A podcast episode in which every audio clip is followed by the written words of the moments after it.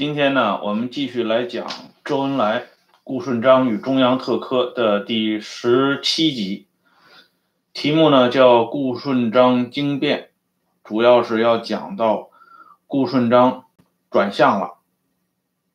在上一次的节目里边呢，我们详细的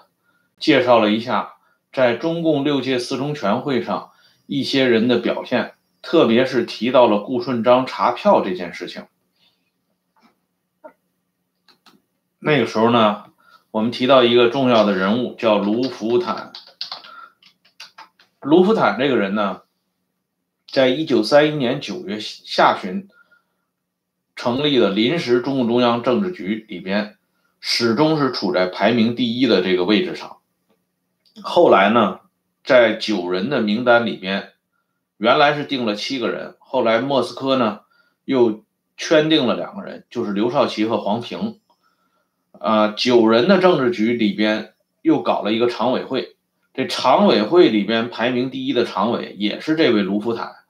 所以这才发生了卢福坦向周恩来伸手要官的这个事情，就是卢福坦找周恩来谈，他能不能出任总书记，就是当周恩来和王明离开上海以后，这个留守的这个摊子里边。卢福坦自己啊主动请缨担任总书记，但是周恩来呢，啊否决了这个卢福坦的自我推荐。他说呢，我们这次搞的这个班子不设总负责，所以就把卢福坦的这个毛遂自荐呢，轻轻就给化解掉了。现在没有史料支持。啊，也没有史料否决，就是说，周恩来在同卢福坦谈话的时候，周是否已经知道卢福坦在中共六届四中全会上对自己提了否决的一票？可知的是呢，这个卢福坦在一九啊六九年被枪毙这件事情呢，周恩来是知情的，康生是向周恩来做过汇报的，所以杀掉了卢福坦。另外一个人呢，就是徐锡根。这个人在现在的 百度里面搜这个人的人名，你会看到他关于他的结局，这个百度实际上是写搞错了，说这个徐锡根最后跑到台湾去了，如何如何。实际上呢，嗯，有人做过考证，就是徐锡根本人呢。也是在这个动乱年代，应该是在一九六八年到一九六九年，被中央专案审查委员会亲自下令啊秘密处决了。就是卢福坦、徐锡根这两个人，都是在文革当中被秘密杀掉的。当时在中共六届四中全会的会场上呢，出现了一个年轻人，啊，戴着眼镜，高高瘦瘦的。啊，默默的做着笔记。这个人就是我们现在要讲到的大名鼎鼎的康生。康生那个时候呢，不叫康生，那个时候他的名字呢叫赵荣。康生参加中共六届四中全会，他主要的任务是做笔录、做记录。这是康生与周恩来定交的开始。从此呢，这个周恩来与康生形成了一个长达四十多年呢，一九三一年到一九七六年，长达四十五年的这个友谊。周和康生的这个友谊呢，到什么程度呢？这个周恩来的保健医生张作良晚年留下过一个回忆录《周恩来的最后十年》。在这个回忆录里边呢，向我们透露了一点，就是在康生去世前的几个星期，康生坐着救护车，专门去看望周恩来。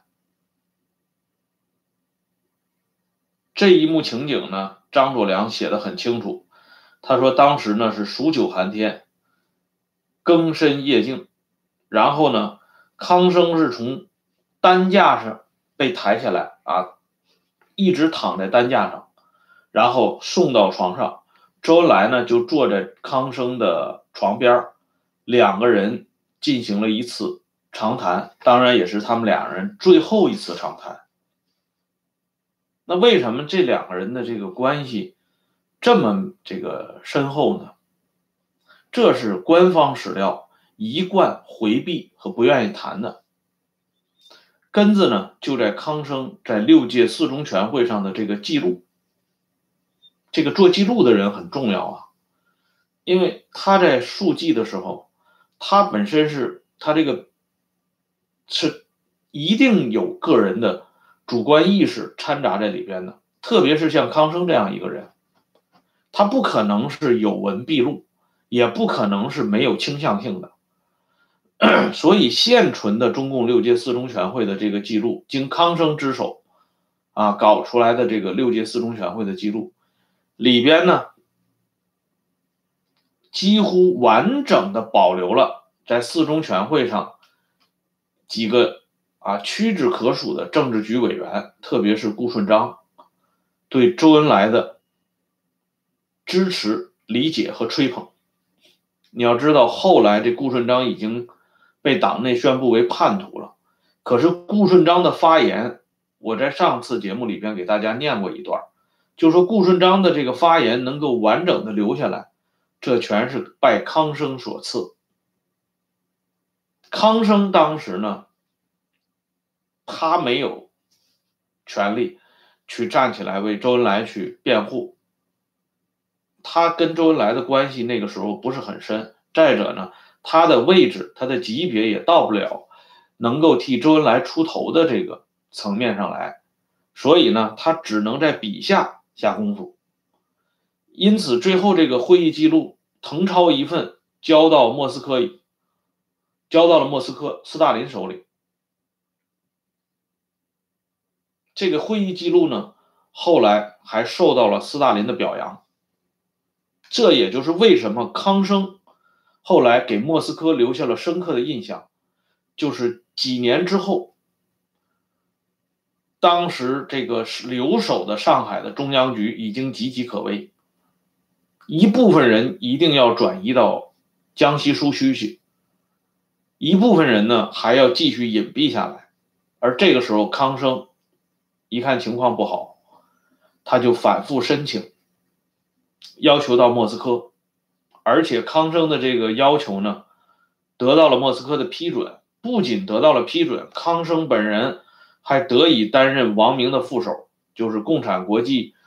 中共驻共产国际代表团的副团长。由此呢，康生开始发迹，后来成为共产国际执委会的成员。呃，以至于后来，在一九三七年十二月份的时候，他被毛泽东称之为昆仑山上下来的神仙、神兵天将。康生的这个过程是这个过程，而康生在出国之后呢，我们都知道他做了还做了一件大事儿，就是说他呢亲手接过了毛岸英、毛岸青兄弟，为毛泽东了去后顾之忧。这是毛泽东与康生之间最早建立的情谊，而在这儿之前呢，康生已经与周恩来之间啊形成了长达六年之久的战斗友谊，而最早的关系的建立都在这几页薄薄的记录纸上了，所以周恩来对康生的印象很好。到了一九三一年五月的时候，就是顾顺章已经转向以后。重组中央特科的时候，周恩来亲自点名康生参加中央特科的领导，作为陈云的副手，并且呢，成为中央特别任务工作委员会委员，就是周恩来、陈云、康生、潘汉年、邝惠安这五个人组成新的中央特委会。而康生呢，在四个月以后，也就是一九三一年九月下旬的时候。经周恩来亲自提名，啊，王明当然也同意，康生进入临时中央政治局，而且呢，还是经周恩来的同意，康生进入四人常委会班子，成为继卢福坦、博古、张闻天之后的第四个常委。就是在一九三一年九月的时候，康生就成为了中共中央政治局常委。他的地位呢，那个时候是高于陈云的，而且从一九三一年到一九七五年，康生十二月十六号，康生死掉，在长达四十四年的时间里边，康生几乎是不间断的啊，几乎是不间断的，一直出没在常委这个位置上。中间呢，在中共八大上，他曾经啊。名字排在陈伯达之后，成为中共中央政治局候补委员。但是到了八届十中全会，康生被增补为毛泽东提名，增补为中央书记处书记，重返中央一线。到了文革之后，康生的地位更是水涨船高啊，重新爬上了中央常委，甚至爬上了中共中央副主席的位置。康生到了晚年。他最后一次同周恩来进行了长达一个小时的一个多小时的这个两个人之间一场推心置腹的谈话。张作良说，这两个人的谈话呢是屏退左右，没有人参与，没有人知道他们两个谈了什么。这样呢，张作良就是说，直到粉碎四人帮以后，才断断续续听到一点传闻。据说，是康生在临死前到解放军三零五幺呃三零五医院去告诉周恩来，江青和张春桥在历史上曾有过政治变节行为。这是张作良的这个回忆。这个回忆呢，这段话实际上是不准确的，因为我们知道，关于江青和张春桥。在政治历史上有严重问题这件事情，当邓小平复出前夕，就是一九七三年的时候，邓氏夫妇、邓小平、卓林夫妇去看望周恩来的时候，周恩来已经亲口告诉了邓小平，这是邓小平的女儿在写他父亲文革岁月这一本书里边直接披露出来的，而且这本书里边同时还披露。他本人和他妈妈卓林，在一九七三年去钓鱼台看望康生的时候，康生当着卓林和邓荣的面破口大骂江青和张春桥，并且也点出了这个江青和张春桥在政治历史上有不干净的往事，所以当时这个。年龄不大的这个邓荣呢，完全就是蒙圈了。他没想到康生这个人为什么会突然破口大骂江青他们。而在长沙，就是四四届人大召开之前，周恩来飞赴长沙，同毛泽东最后商定这个人选问题的时候，周恩来再一次向毛泽东汇报了江青、张春桥在政治。历史问题上的重大便捷行为，毛泽东表示他已经知道了。这件事呢是出现在公开出版的《周恩来年谱》一九四九至一九七六的这个下卷里面，同时官修本的《周恩来传》里面也谈到了这个事儿。因此，从这几个事例当中，我们可以清晰的看到，如果一九七五年。康生在弥留之际，躺在担架上，冒着严寒，冒着可能随时就过去的这个风险去见周恩来，是为了重复以上已经大家都公开知道的事情，那显然是不合情理。康生与周恩来最后一次密谈，这个从后来康生的秘书李新，他的。在打垮四人帮以后，李新生前留下的只言片语中可以找到部分答案。就是李新后来回忆过，康生为什么最后一次挣扎着去见周恩来，就是康生不放心他死了以后，因为周恩来那个时候也已经到了风烛残年了，也就是离死也不远了。康生死后不久，周恩来也完了。周恩来死在一九七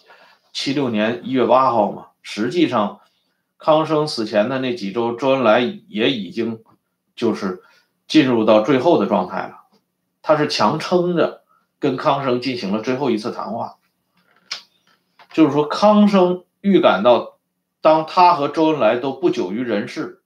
的时候，他向周恩来提出，如果他们两个人脚前脚后都走了，中央的事情怎么办？这个权利是绝对不能留给江青他们这些人的。李新的这个回忆呢，实际上就是延缓了康生被批臭的这个过程。所以后来呢，汪东兴专门出面讲过一个话，就是说康老在死前就已经预感到四人帮要篡党夺权，他忧心忡忡啊，并且呢，通过。有关人员向主席、向中央反映过，就是说最早考虑如何解决四人帮的这个问题的是康生，而最早提出来要把江青这些人搞掉的是康生的秘书李新，不是什么华国锋和汪东兴，最早提出来的是康生的秘书李欣。而这个康生的秘书李欣之所以能够提出这个问题，那不是他本人的政治觉悟，他也没有那种觉悟，他的这个原创版权是来自于康生的。所以在四人帮垮台之后呢，有相当一段时长时间里边，康生还是在政治上是平安着陆的，没有人把矛头指向康生，直到后来。陈云重新出掌中共中央副主席，陈云力主把康生打翻在地，并且将康生彻底批臭。陈云提出来以后呢，征得邓小平的同意。邓小平方面呢，提出了谢富治的名字。这样呢，康生、谢富治被作为林彪、江青这两个反革命集团里的候补成员给算了进去。这是两个死人嘛？追夺生前一切荣誉，由此可知，康生与周恩来之间的这个关系，远不是官方史料所愿意描述的。康生本人在文革当中有过几次对周恩来的鼎力相助，特别是那个我们都熟知的啊，林彪的秘书张云生，在他的回忆录里边。就是《毛家湾纪实》里边也提到了，康生呢在背后告了周恩来一状，周恩来呢不得不检讨，因为这件事情涉及到林彪当时的政治地位。这件事呢，通常是被大家看成康生在背后捅了周恩来一刀。事实上呢，这是康生对周恩来的小骂大帮忙。康生不仅同周恩来的关系深厚。在一九四九年之后，周恩来、康生、邓小平三个人之间关系非常好。康生和邓小平之间的关系，在九平的前后，两个人关系可以说进入到蜜月期。所以最后关于批授康生的这个问题上，邓小平是服从了陈云的意见，这样康生才从这个九天之上啊，落到了九地之下。今天花费一点时间讲述一下周恩来与康生的关系，是为了之后顾顺章这个灭门案里面为什么康生能够挺身而出，不惜手上沾沾血啊，替周恩来打先锋，这个来源要事前交代清楚。那么下面呢，就涉及到了今天要讲的一个主题了。就是顾顺章转向的问题。一九三一年四月，顾顺章呢，通行的史料是说，顾顺章在送走张国焘和陈昌浩之后，回到汉口，继续用他的化名华广奇来表演魔术，结果在这个过程里边呢，被这个叛徒尤崇新指认出来，报告了武汉行营侦缉处副处长蔡梦坚。于是呢，蔡梦坚布置人手，将顾顺章一举抓获。抓获之后呢，顾顺章叛变，交代出来了若干人的来龙去脉，这是官方史料通行的说法。但是这里边呢，有一些细节要进行辩证。首先呢，这个陈养山的回忆录里边提供了。一条就是说，陈养山认为周恩来多次批评顾顺章，顾顺章生活腐化，所以周恩来同志曾多次批评过他，派他去送张国焘到鄂豫皖，实际上就是把他调离中央特科。这是陈养山的回忆，这个回忆呢。应该说不是十分准确，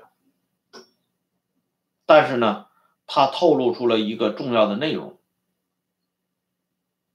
就是周恩来和顾顺章之间的关系，从一九三一年一月到一九三四年他叛变这个三个月当中，发生了微妙的变化。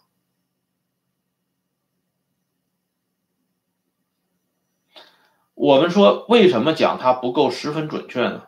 是因为这条史料不足以支撑一种通行的说法，就是说周恩来到到了一九三一年四月，想把顾顺章一脚踢开，或者说对顾顺章有所察觉，不再信任顾顺章，这种说法是完全站不住脚的。因为要知道，当时护送。张国焘和陈昌浩去鄂豫皖苏区，这不是一件小事儿。张国焘当时的身份是新当选的中共中央政治局常委，也就是向忠发、周恩来、张国焘三驾马车中的重要的一位。他到鄂豫皖，实际上是中央的一项重大决策。他是为了发展和扩大鄂豫皖苏区，进而对这个江西苏区。形成强有力的支撑，江西、鄂豫皖、湘鄂西三足鼎立。所以那个时候呢，一开始是准备把李维汉派到湘鄂西苏区去担任中央分局书记的，李维汉不去，这才想到了派夏曦和徐锡根去。而张国焘呢，就不一样了。张国焘是常委，亲自兼任鄂豫皖的中央分局书记，这是说明当时中共中央把鄂豫皖看得相当重要，而护送这么重要的人物，必须有得力的人手才行。所以这个时候，周恩来想，首先想到了顾顺章，由顾顺章亲自出马。当年就是一九二九年处决白鑫之后。几乎是长达一年左右的时间，顾顺章没有再亲自出面做过这种低档次的工作，因为这些工作完全是可以交给下边，比如像李强他们这些啊，具体办事的，什么洪阳生这些人去处理，没有必要由这个中央特科的二老板、二掌柜顾顺章亲自出面。但是这回护送的人选太重要了，是张国焘啊，所以。顾顺章亲自出马，而且当时动用的这个交通线上非常重要的一个环节，就是一条运输木材的船。这艘船呢，这个船老大具体叫什么，李强到晚年都不知道，就知道他姓陈，他是浙江宁波人，是秘密的。地下党员，这条船是上海英租界工部局由英国商人注册的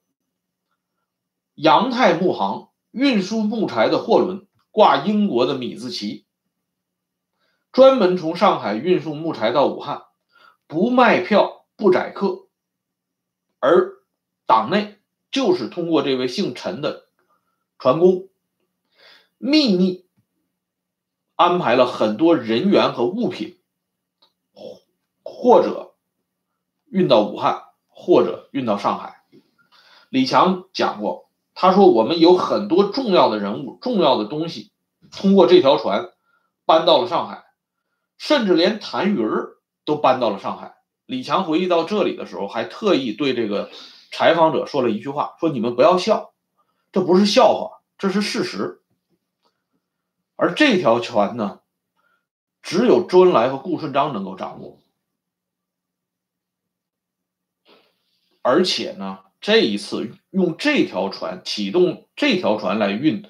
张国焘、陈昌浩，是顾顺章亲自